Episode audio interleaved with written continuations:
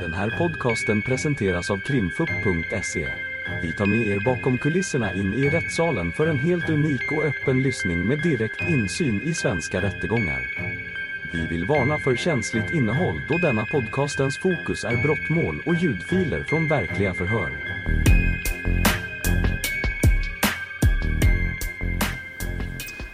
Mm. Alltså, när jag addar Asim januari då är ju inte avsikten att jag ska träffa en kriminell person och läcka ut uppgifter. Utan jag tror ju att han är någon helt annan än den han eh, påstås vara. Och det kommer ju fram i efterhand. För att första gången vi träffas så presenterar han sig som en helt vanlig skötsam kille. Um. Men det visar ju sig att han är någon helt annan. Och att han utnyttjar mig för att ta del av uppgifter. Och, eh, Min väninna Jasmin som ska komma hit imorgon, hon förstod ju det direkt. Hon sa till mig flera gånger att han, är- han är ingen bra kille. Han är dig, han vill bara komma åt saker. Men jag förstår ju inte det. Då, jag tar ju inte in den infon. För att jag vill ju inte... Man, man kan kalla mig efterbliven eller blåst, vad man vill. Men jag accepterar ju inte det. Jag tror ju att han har ett intresse. Um, ja. Vi träffas ju inte så mycket, jag och Asim. Vi har träffats vid tre tillfällen totalt sedan januari. Den senaste gången så såg vi i min port. Och då var det samma sak där. Han kom dit för att ställa en fråga. Han ville ta del av en uppgift. Och Jasmin, min väninna, hon var ju i telefon samtidigt.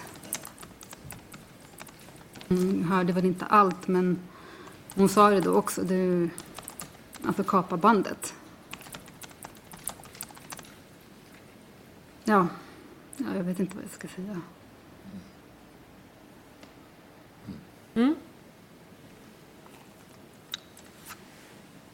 Finns det frågor från åklagaren som går att ställa när det är öppet? Ja, det, det tror jag det gör. Mm, varsågod. Det, och, och som sagt, eh, Sibel, jag ska ställa en, en hel del frågor till dig, men i den här öppna delen vill jag ändå fråga. Du har ju beskrivit att du inleder någon sorts kontakt, jag vill inte sätta ett epitet på det, men med Asim. Vad är ditt syfte med kontakten med honom? Vad är din tanke? Att inleda någonting. En relation? Ja, jag fick ett intresse.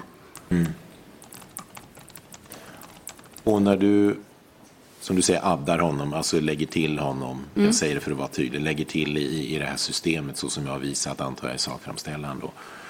Eh, när eller om märker du att det börjar bli på ett sätt som inte du vill? För du beskriver ju här någonstans att det här blev inte bra till slut. När märker du någon skillnad då? När, när är det så att du börjar oroa dig själv? Det hände ju i april när hans eh, telefon tas i beslag. Mm. Efter det så blir han liksom väldigt eh, nojig och paranoid och det är då han liksom börjar terra mig eh, för att veta vad som händer med honom. Och, eh, ni kan inte heller gå in på lite sekretess. Nej, vi, vi kommer att komma tillbaka till det, men, men jag säger, för, för det är ingen hemlighet, att hans telefon togs i, i beslag i ett helt annat ärende. Och då blev han nojig, beskriver du. Varför tror du att han blev nojig då? Vad hade han att vara orolig för med anledning av det? På grund av hans misstanke. Och vad gör han i förhållande till dig då? då? Han ringer mig väldigt ofta eh, och vill veta om han är eh, under span, om han är avlyssnad. Eh, Han vill ta del av så mycket som möjligt helt enkelt. Och vad tänker du, jag menar i förhållande till att du har ett intresse eller en relationsintresse då till honom. Vad tänker du om det när han börjar på det här sättet då i april? Alltså jag vet ju att det inte kommer leda till någonting. Jag vet ju att vi är helt olika. Vi har olika livsstilar. Alltså han, han är ju kriminell. Det säger även min väninna hela tiden. Hon är på mig. Uh, jag börjar väl fatta att det, det, kommer inte bli någonting. För att vi är så olika. Och eh, jag fattar väl någonstans att han utnyttjar mig. Men fortfarande, jag, jag tar inte till mig det. Förrän långt senare.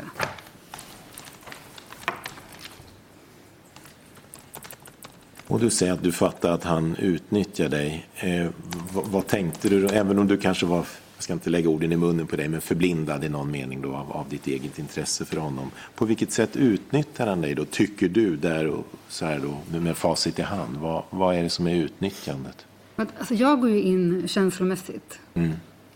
Varje gång när han ringer mig eller när han ska skriva någonting, då är det bara att han vill fråga något om andra. Mm.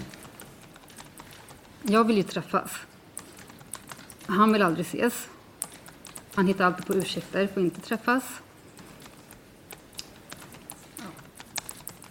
Har ni någon gång gjort något så att säga mer relationsmässigt normalt eh, än att han har tjatat på dig om, om uppgifter? Har ni varit på restaurang, på bio, på, Nej. gått på stan, promenad? Nej, han ville aldrig det. Han var hemma hos mig två gånger. Och det var liksom skapligt. Han sa till mig även då flera gånger, det kommer aldrig bli något mellan oss. Jag ser det bara som en vän. Så jag har inga förhoppningar. Utan jag, jag lever livet varje dag, typ. Det sista hörde jag inte, förlåt. Att, att han lever livet varje dag, lite som en Aha. playboy. Mm.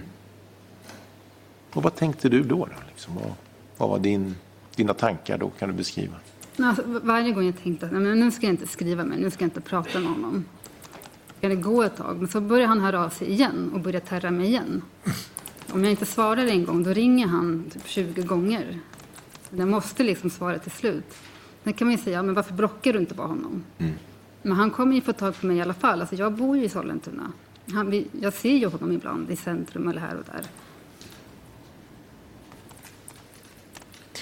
Hur, hur, har du från början där, du säger att du addade honom där i januari då. Varför? Eller jag har ju beskrivit i sakframställan en, en, del om den här kontakten. Det är ju mer av teknisk natur. Men vad är det som ligger bakom det? Hur, hur har han hittat dig eller du honom då? Hur gick det till? Hur känner du till honom? Alltså, jag har sett honom några gånger och eh, vi har en gemensam vän. En killkompis. Det, nej men det var bara så. Jag bara addade honom. Bara sådär. Mm. Men, men jag har ju beskrivit den här kommunikationen som först skedde på Messenger mm. innan det, det addandet skedde på, på Snap. Eh, är det en riktig beskrivning tycker du? Att, att, att jag hade honom på Facebook? Ja, alltså, är det en riktig beskrivning att ni först pratade på Messenger eller chatta mm. och sen addade du honom på Snap? Ja, precis. Alltså, jag addade honom först. Eh, han accepterar direkt, men jag skriver ingenting. Han skriver först en vecka senare, det som vi såg. Känner ni varann? När enligt din uppfattning eller beskrivning då är han hemma hos dig första gången? Slutet på januari. Mm. Strax efter att vi började skriva på Messenger. Mm. Och hur är det mötet mellan er?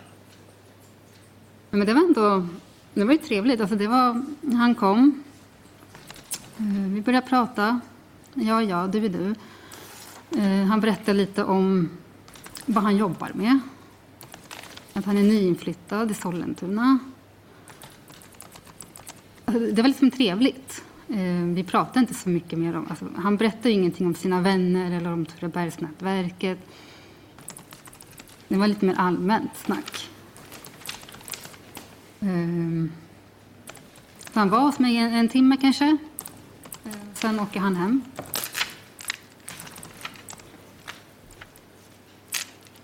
Och när är nästa kontakt med honom, tror du? Ungefär. Liksom.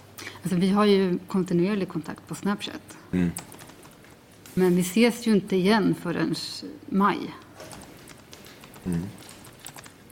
Och hur är mötet i maj då? Han kommer förbi. Han stannar kanske en halvtimme. Och egentligen så ville han komma förbi för att be om ursäkt. för Sitt vidriga beteende som han hade innan. Och för att säga hej då. För att han försvinner sen. Han åker ju utomlands och så är han borta i fyra månader kanske. Och det är den då när jag jobbar hemifrån. När du säger vidrigt beteende, bara, så jag förstår, på, vad, vad ska han be om ursäkt för? Så att säga? Alltså det är så som han har betett sig mot mig. Han, att han, han sa jag har varit väldigt ful mot dig. Att han, han blir aggressiv, han vill ta del av saker. Om jag inte gör det då börjar han säga massa saker. Eh, Han pressar ju mig på allt och eh, ja, han är inte snäll helt enkelt. Och när, när, enligt din uppfattning, tror du att han har fått vetskap om ditt jobb, ditt yrke? N- när är under det här förloppet, om vi börjar där i januari, sker det då? Frågar han dig eller visste han innan? Alltså, vad, hur det Nej, han visste ju inte innan. När han var hemma hos mig första gången, när vi berättade. Men då sa jag ju att jag är handläggare på Attunda tingsrätt. Då sa han bara, ja, men, ja, men vad får du göra? Då sa jag bara, men jag, jag bereder mål, typ. Men det var inget mer snack om det. Sen undrade han inte liksom... Men, men efter det mötet, då började de här frågorna komma. Eh, Vet du om han är häktad? Vet du vad han har för brottsmisstanke? Ja, allmänt. Och vad gjorde du då när han började? För jag antar att det är på chatt. Jag gissar nu för sig. Ja, han ringer. Han ringer, okej. Han skriver aldrig. Okej. För han eh, tror att han är under span hela tiden. Han, han tror att han är under spaning. Ja, jag förstår. Polisens spaning. Så då ringer han dig. Och på vilken kanal? Man kan ju liksom, som jag sakframställningsvis sa, att man kan ringa på Snap. Man kan ju naturligtvis ringa på vanliga telefonnumret. Men hur kontaktar han dig? På Snapchat? På Snap? Jag har aldrig hans telefonnummer. Okej. Han ger aldrig ut den. Okej, så han ringer dig på Snap? All right. Eh, och hur går tongångarna då? För jag utgår från den här januari, det första mötet hemma hos dig. Men sen då, hur går tongångarna när han ringer dig på Snap? Då? Alltså, han ger order. Eh, kolla upp det här. Eh, om jag säger nej, men jag kan inte göra det, då ringer han alltid liksom upp efter en stund igen. Han måste ha det. Han måste ha svar. Sen om han gör det åt andra, det vet jag inte. Men ja, Men och hur, hur agerar du då? då?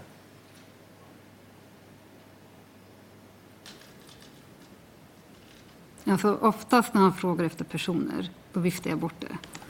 Och säger bara nej, men det finns inget. Eh, Och sen, han, jag har ju skickat många domstolshandlingar, men det är de här jag har beställt. Som han efterfrågar. Och jag har ju som sagt som ett modus, alltså ett sätt att bete sig som man säger, ett, modus operandi, beskrivit hur du tar in eh, handlingar som visar sig vara, eh, eh, in, inte vara sekretesskyddade och så skickar det till honom. Är min beskrivning riktig i och för sig? Alltså att det har skett på det här sättet? Tycker du att det är jag, korrekt? Jag, jag har ju skickat dem för att han har bett om det. För Jag vet inte vilka de personerna är. Nej. Du har ingen, man säger personlig kännedom om, om Nej. individerna i dokumenten? Nej, absolut inte. Nej.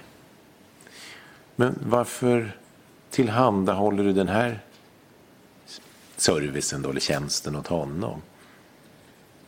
Ja men, ja, men det är ju det. Alltså, han, han utnyttjar ju mig, men jag accepterar det. Jag jag vet att det är dumt. Det är jättedumt, men...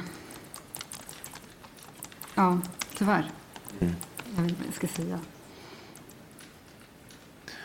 Och, och det låter naturligtvis anklagande, men jag vill försöka förstå hur du har resonerat. Det är därför jag ställer de här frågorna. Det var aldrig så att du pratade med någon chef eller en kompis om vad som händer? Att det här är, känns inget bra eller? Nej, alltså den enda kommunikationen jag har om Asim, det är ju med Jasmin. Som redan i start liksom börjar förstå att han utnyttjar mig. Men när du skickar de här alltså, öppna dokumenten då, som en service åt honom. va- Varför är det inte knepigt att lägga sin arbetstid på det, tänker jag? Tar det inte en massa tid från dig? Ja, fast Varje gång är det inte under arbetstid. Alltså han frågar mycket på kvällar och helger också.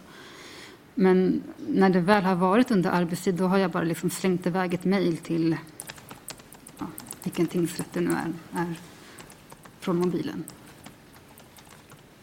Och för, med vilken mejladress då? Är det den som jag har visat rätten här? Just det. Och varför skulle inte han kunna göra det själv? Ja, han vill väl inte synas. Men på vilket sätt inte synas? Vad tänker du om man, om man skickar? Om han kan ju själv mejla från en påhittad adress till exempel. Ja, det kan han göra. Men han, kanske tänker att jag eh, har bättre tillgång. Jag vet inte. Och att du... Ja, förlåt. Det är tidskrävande. Kanske därför han inte ville. Men du sa inte nej då? Om jag förstår det rätt. Nej. Mm, jag förstår. Ehm. Jag har ju också för rätten här visat eh, de, de här utbildningarna du har fått gå i tingsrätten och, och sekretessförbindelsen du har skrivit under. Vad, vad tänker du runt dem? Både utbildningen och sekretessförbindelsen och ditt uppdrag på tingsrätten i förhållande till det du då gör med Asim eller har gjort åt honom eller hur man nu väljer att formulera det. Alltså jag vet ju om jag inte hade träffat Asim så hade jag aldrig hamnat där jag är nu. Jag vet att det är liksom ett svek mot tingsrätten. Eh, det jag har gjort. Och det, jo, alltså det, det är pinsamt. Och jag, jag ångrar ju det såklart. Men jag kan inte göra saker ogjort. Men det förstår jag och jag har all respekt för ditt förhållningssätt till det. Men det jag egentligen frågar om är hur de, de här dokumenten, då, sekretessförbindelsen, kursplanen och allt det här. Det, för, det var inget som liksom slog det där och då att vänta nu, det här kanske inte är så bra att göra eller, eller så. Att, att det här innehållet i utbildningen och planen påverkar i vad avser nu att hålla på och leverera till honom. Tänker jag. Jag tänkte inte på utbildningarna, men alltså, jag, jag visste ju att det var fel, det jag gjorde, redan då. Tyvärr. Vad tänkte du runt konsekvenserna av det här? Då? Att lämna, nu har du och för sig tillhandahållit öppna handlingar också, absolut. Men jag lägger ju dig till last att, att det även är, är, sekretesskyddat material. Som du i alla fall delvis erkänner, som jag, jag förstår din inställning. Och vad tänker du runt att lämna ut sånt material och konsekvenserna av det? Då? Att det är fel.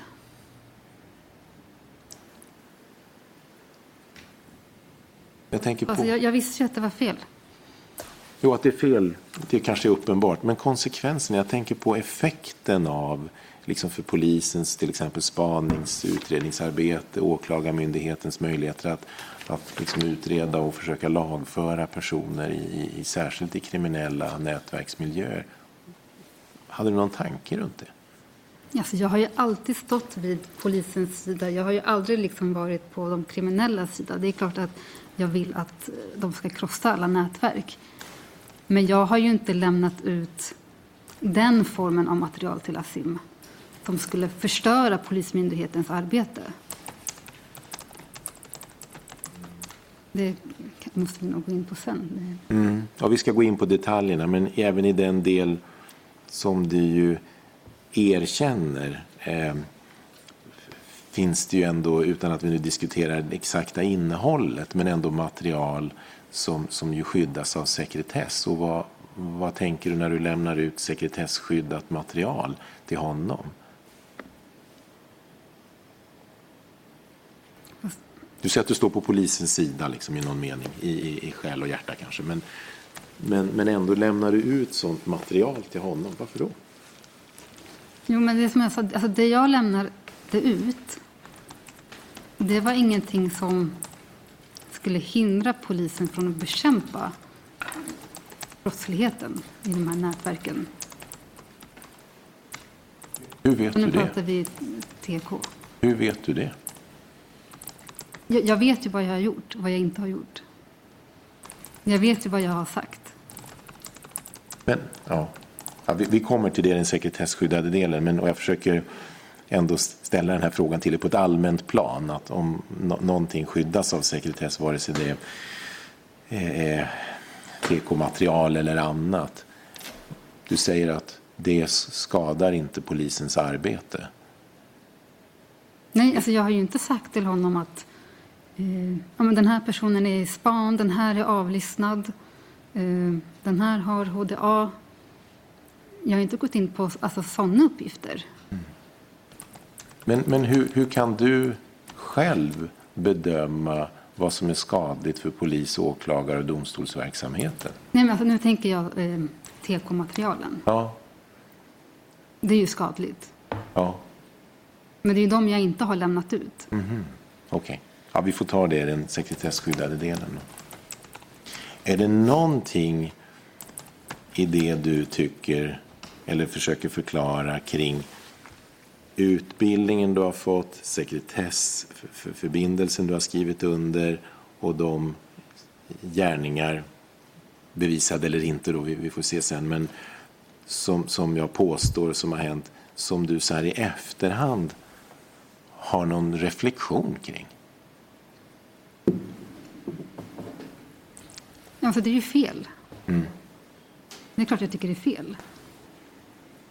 Att jag, alltså, I och med det här, att jag sitter här idag, det, är liksom, det visar att jag har svikit mina kollegor, tingsrätten, polisen, åklagarmyndigheten. Jag har svikit mina kollegor, min chef, min familj.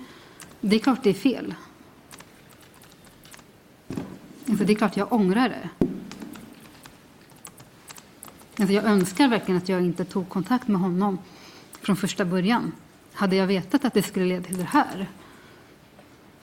Alltså jag har har aldrig någonsin addat honom.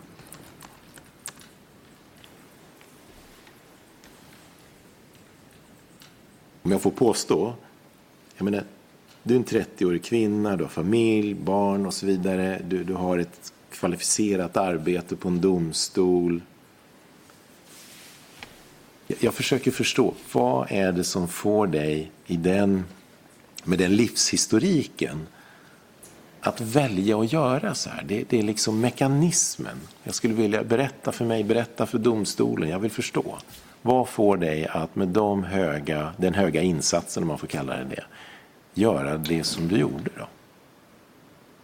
Oavsett hur mycket det är, för det får vi ta sen i, i detalj. Men, men på ett allmänt plan, vad, vad får dig att göra det? Jag vet inte, jag tror att jag bara tappar bort mig själv.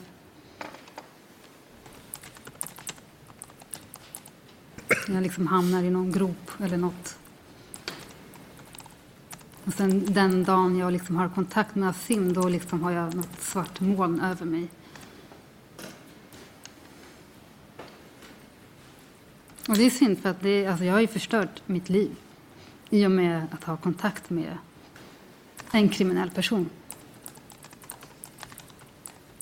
Tycker du själv, vi har ju hört vad din väninna sa så här i, i, i samtalen och så, men tycker du själv att du har blivit utnyttjad?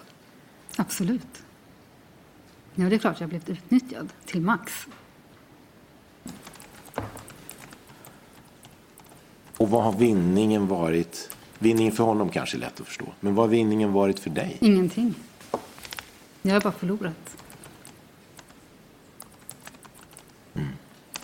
Alltså jag har sjunkit ner till botten.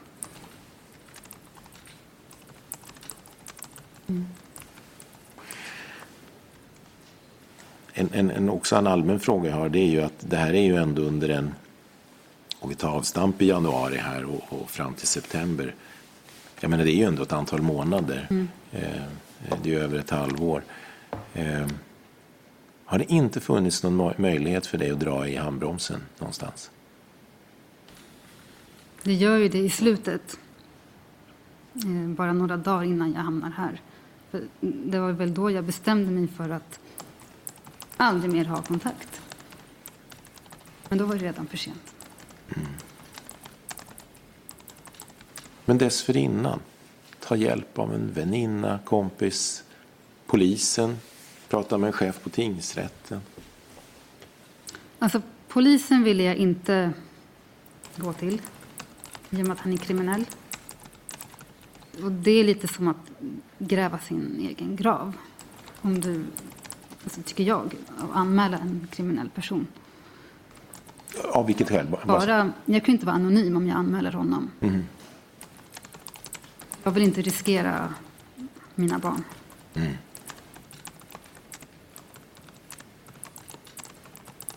Jag, Men, absolut. jag kan ju lämna tips till polisen om allt jag vet om honom nu i efterhand. Men vad gör det? Mm. Men du kunde ju gå till, vi ska ju sen höra din handläggarchefen Anna Payne, handläggarchefen på Attunda. Varför pratar du inte med Anna till exempel? Det är skämmigt. Det är skämmigt att säga jag har kontakt med en kriminell. Mm. För det är inte den jag är. Och det är inte så jag har blivit lärd. Man ska inte vara med kriminella. Man ska inte ha någon kontakt med dem. Jag, jag tycker, jag tycker det är jättepinsamt. Alltså att, min familj har ju läst allt det här och det, det är skämmigt.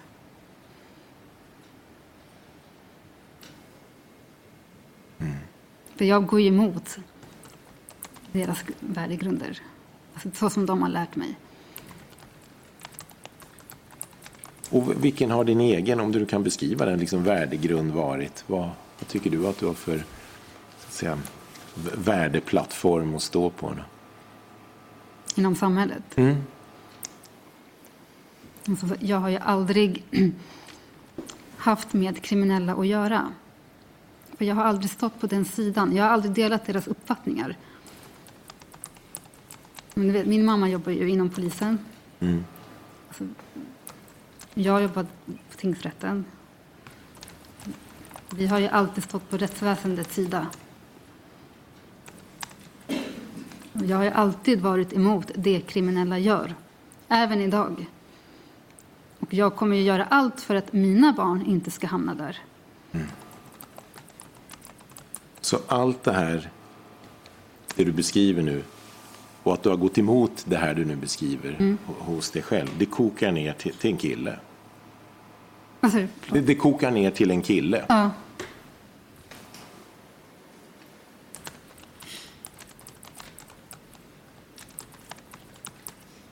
Med risk för att jag upprepar en fråga, och det är verkligen bara för att jag vill förstå.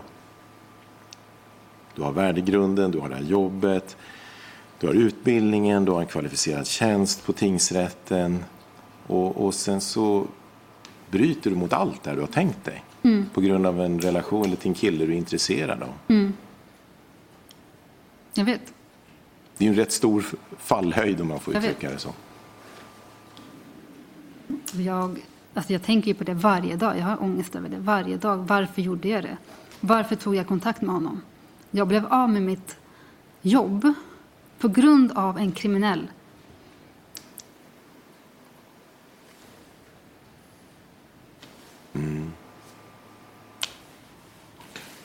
det är väl i grund och botten på grund av hur du själv har agerat? Jo, absolut, absolut. Men det jag menar är att hade jag aldrig haft kontakt med honom, jag hade inte suttit här idag. Jag hade ju fortsatt mitt perfekta liv. kanske låter anklagande nu, men jag vill ändå förstå dig. Det är det det handlar om. Okej, okay, det kanske är så. Hade han aldrig, eller du aldrig addat honom då, Men det är ju du som har agerat på hans beställning om man säger så. Det, det är ju ändå det är ditt agerande vi sitter här för idag.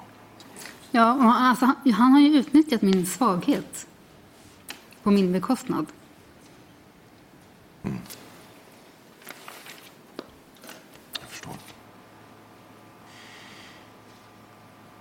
Jag säger till fru ordförande, alltså jag tror vi kommer nästan till ett läge där, där vi måste börja gå igenom bevisning sen. Och, och Jag kan då också kanske Ja. ställa några frågor i den öppna delen innan vi kommer till det stängda. Det är väl en bra ordning, tänker Ja. jag. Ja, Så finge vi klara av det. varsågod. Eh, vi- vi, vi tar några enkla innan vi kommer till de svåra. Eh, åklagaren talade om utbildning. Och vi har ju fått beskrivet då att du har fått utbildningar eh, i, på tingsrätten inom domstolens regi. I de här utbildningarna som, som du har fått, har det funnits någon information om vad man ska göra om man blir kontaktad av någon utomstående till exempel? Eller om man skulle få bli kontaktad av någon kriminell person? Nej, Är det någon som har beskrivit riskerna med att man skulle kunna bli kontaktad av någon kriminell organisation eller någon person? nej. Så vad har utbildningarna handlat om? Alltså, vi har bara fått e-utbildningar. I Och då sitter du vid datorn eh, själv och eh, går igenom en powerpoint-presentation. Okej. Eh, Så att man knappar in på, en, på datorn. Uppkommer en powerpoint-presentation. Eh, åklagaren vill jag tro sa IT-säkerhet då till exempel. Vad, vad, vad har den IT-säkerheten handlat om? Då? Oj, det minns jag inte. IT-säkerhet. Men är- men i de här utbildningarna är det någon som har sagt att hur ska jag förhålla mig till hemliga dokument på tingsrätten? Vad gäller för dokument i familjemål? Vad gäller eh, att tala med andra på tingsrätten om innehåll i material eller, eller sånt? Nej, alltså det de har sagt är ju... Ja, men man bör inte gå in i andra mål. Nej, Men inte att det är absolut förbjudet. nej. Ingenting om risken att någon annan skulle fråga. Ingenting. Nej. I, I januari då så då addade du en kille. Eh, Och du sa att genom en kompis till mig så liksom fick du veta vem han var. Din kompis då, om vi börjar med det, är han kriminell? Nej. Eh, vad, vad var det som fick dig att adda honom då? Jag tänkte, en kul grej, jag vet inte. Du tyckte han såg bra ut. Ja, Det var något som fick dig, väckte ditt intresse. Vad, vad hade, du, hade du sett honom någonstans? ja det hade jag några gånger. Ja, vadå? Vart? Ja, Eh, I Sollentuna. okej. Så det är en kille i Sollentuna som du eh, liksom ser och lyckas fixa fram namnet på och sen addar du honom. Ja. Och, och, och kort därefter så, så ses ni då. Någon timme säger du. Vad tänker du då när han kommer hem? Det är väl en trevlig typ. Ja. Det liksom uppfyller det du tänkte då. Jo, då ja. Du blir Precis. intresserad. Ja.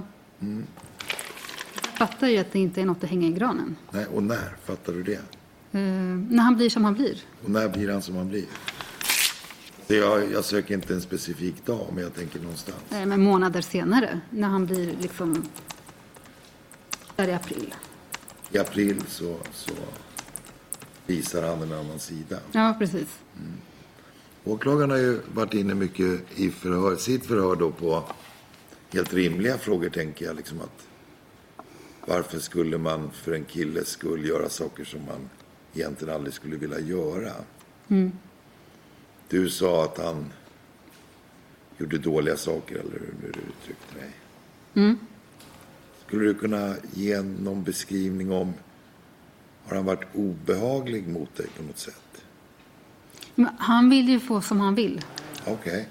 Och när han inte får som han vill, vad gjorde han då? då? Han pressar ju en. Och hur pressar han dig? Han, han ringer. Han ringer Ja. flera gånger. Ja.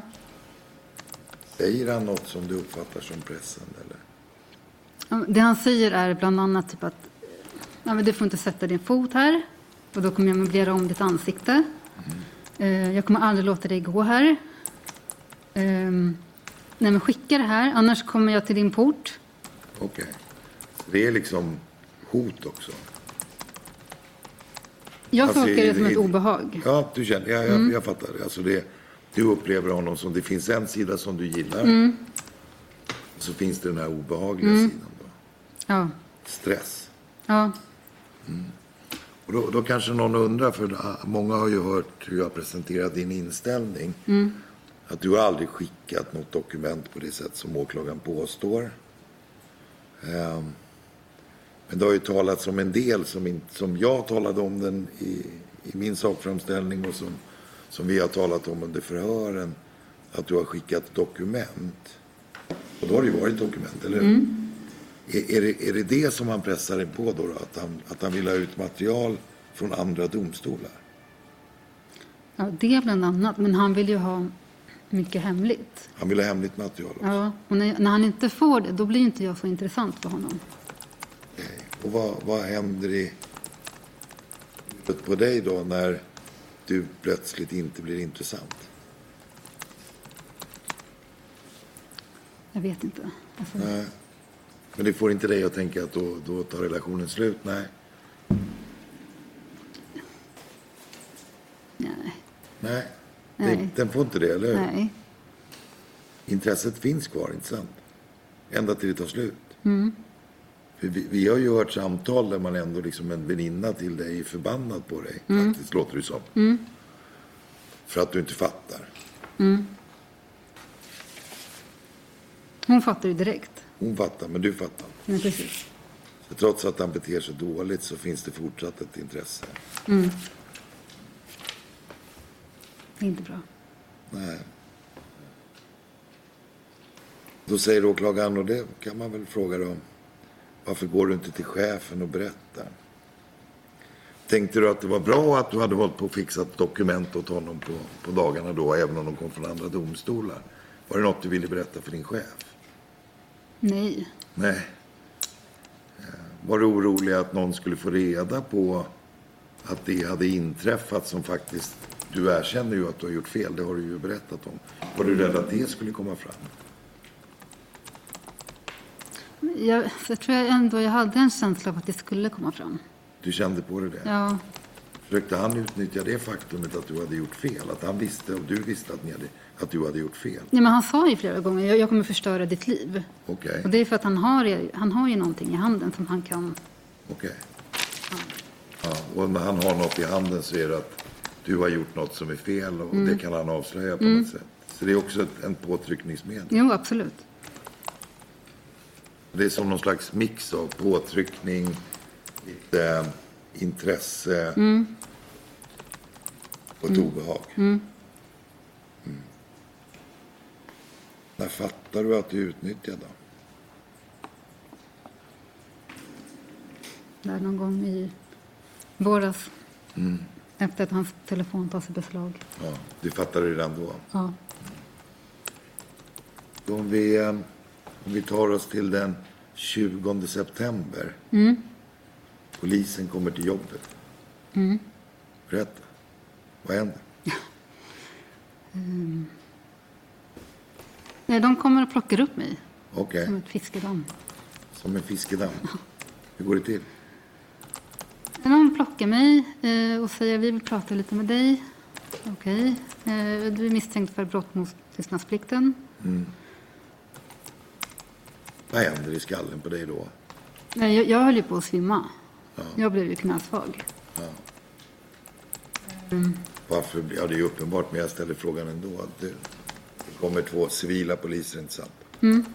Säger att du ska med dem och att du är misstänkt för brott mot tystnadsplikt. Fattar du då? Nu, nu är jag avslöjad.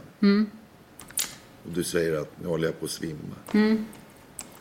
Och, och, och vad är det som får dig att svimma? Är det konsekvenserna eller vad vad är det som... Ja, alltså att jag ska liksom bli inlåst. Ja, det blir du. Ja.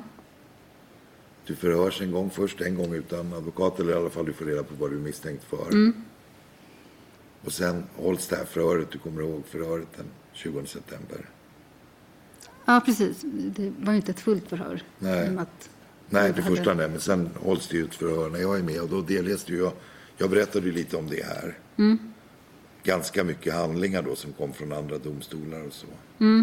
Hur, må, hur, hur mådde du då? Nej, men alltså, Berätta. där visste jag att jag är oskyldig. För det, Mm. det var inget brott. Nej, men ändå påstod någon det.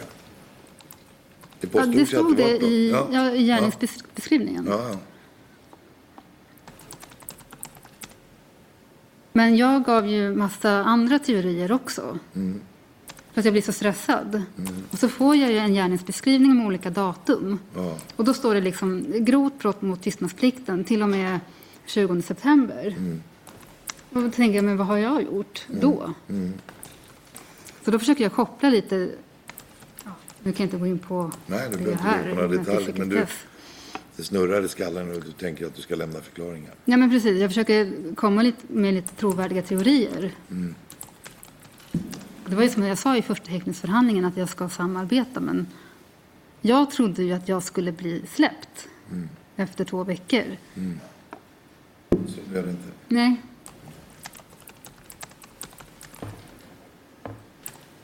Det var liksom det som skrämde mig. Alltså att vara inlåst, att vara ifrån barnen. Okej, jag, jag, jag tror att jag kan stanna där. Det, det, det finns nog en del, kanske man kan ta i den öppna delen, som handlar om det här övergripande. Om jag får ställa en kompletterande fråga. Eh, och, och så här Sibello, du har ju som sagt, precis som du själv säger, sagt att du ska medverka eh, och så vidare. Men det du berättar i, om det är fem eller sex förhör, om hur det gick till och det är detaljer om en det ena, en det andra. Och sen ändrar du dig på slutet. Men vad var skälet till att du berättade på ett sätt som var väldigt deskriptivt om detaljer i de första förhören, som ju ändå är under ganska lång tid. Vi, vi, vi ska ta detaljerna sen, men bara så jag förstår övergripande. Varför har du berättat om hur du har gjort i detalj för att sen ändra då? Men det var ju som jag sa att jag ville ge teorier så att jag visar att jag samarbetar i hopp om att jag ska bli släppt. Jag vet att i slutändan så kommer det inte leda någon vart för att jag har inte gjort det. Det finns inget underlag för det. Vänta, du visste att du försökte säga någonting som skulle leda till att du blev frisläppt. Ja, för om jag säger en sak i, i ett förhör, då måste jag ju hålla mig till det.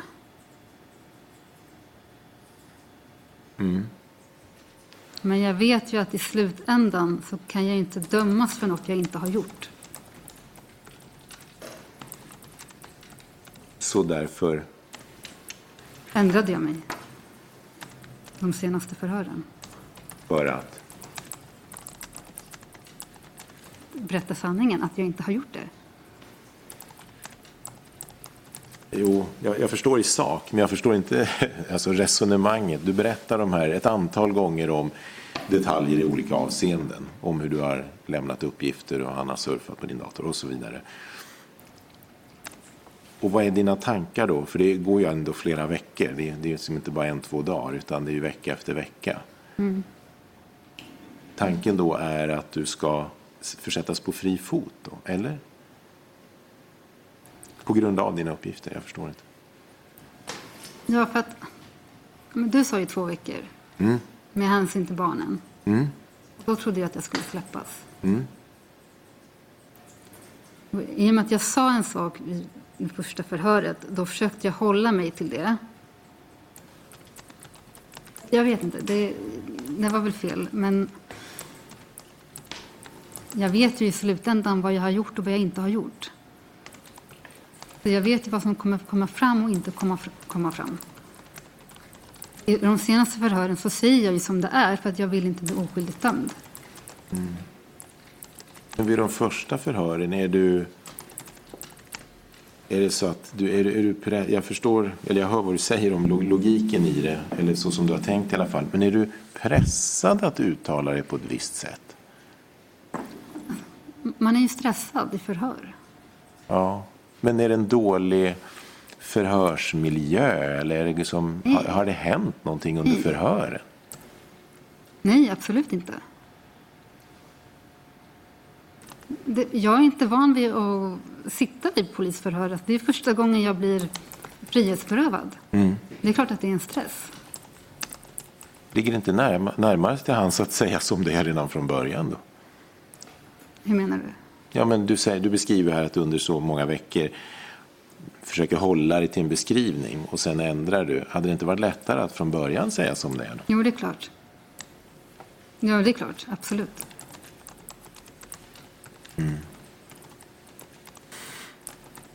Det, det, det finns, och jag säger även till rätten, det finns liksom ett antal eh, förhörsavsnitt som jag inte kan redovisa i den, i den öppna delen. Men det finns ett avsnitt som jag kan ta här med följdfrågor för, för jag tror det i sig inte innehåller några känsliga detaljer och då gör jag gärna det i den öppna delen. Och det gäller ett förhör som har hållit det och, och i materialet så är det huvudprotokollet på sidan 160. Det är ett förhör med dig som har hållit i ett inledande skede där, det är den 21 eh, september. Och, och jag hoppar över det inledande för det är mer att du beskriver om, om det här med, med relationen till honom och så vidare. Så klockan 160. Eh, 160, ja precis. Eh, och så en bit ner där så, så står det så här då. Eh, den hörde och det är du. Eh, eh, ja, jag skulle fråga Solna tingsrätt om en specifik kille. Hittar ni? Mm. Eh, jag vet inte vem han är, jag känner inte honom. Men det är väl någon kille som eh, eh, Eh, det här är antagligen är ute efter. Nej, eh, ja, men som sagt, han har, ju, han har ju även varit hemma hos mig, säger du. Och då är ni med. Sen kommer det jag frågar dig om nu då. Då säger förhörsledaren, ja det berättar du. Och du säger, vi får ju ha datorn hemma om vi ska jobba hemifrån. Hur går det då till när han har varit eh, och haft datorn? Han har tagit den och kollat. Och var är du då? Jag är också hemma. Mm. Men hur gör han då? Alltså jag vet ju inte var, var du bor. Har ni en stor eller så? Ja, jag bor i en trea. Så fortsätter då på sidan 161. Ja, kan du beskriva hur han gör när han tar datan? Ja, han kan ju inte systemet egentligen, men han klickar väl runt. Jag minns inte specifikt så, så han var hos mig två, tre gånger. Ja, eh, men vet du vad han gjorde när han var i datorn? Nej, jag visste inte att han läckte information. Nej, men jag tänker om han, du säger att han har varit hos dig två, tre gånger och så fortsätter det. Känner du igen den här förhörssituationen och beskrivningen du ger i, i, förhör, i förhör till, till polisen? Ja, alltså det stämmer ju. Han har ju varit hemma hos mig två gånger. Mm. Jag menar nu hela stycket som jag har läst. Ja, alltså. Det var ju så det var. Okej. Mm. Och du var här, det var inget dåligt liksom, förhör. Dåligt menar jag med dålig stämning, att du kände dig pressad att säga konstiga saker till polisen. Eller, utan så här var det. Ja, just den här situationen, det, jag beskriver ju vad som har hänt. Mm. Okej. Jag tror jag stannar där, för det blir, sen kommer man in på detaljer. så. Det innebär att vi stoppar förhöret så långt. Och då... Ni har lyssnat på ett avsnitt av Krimfupps podcast. Tipsa gärna oss på krimfupp.se om det är någon speciell rättegång ni skulle vilja höra. Tack för att ni har lyssnat.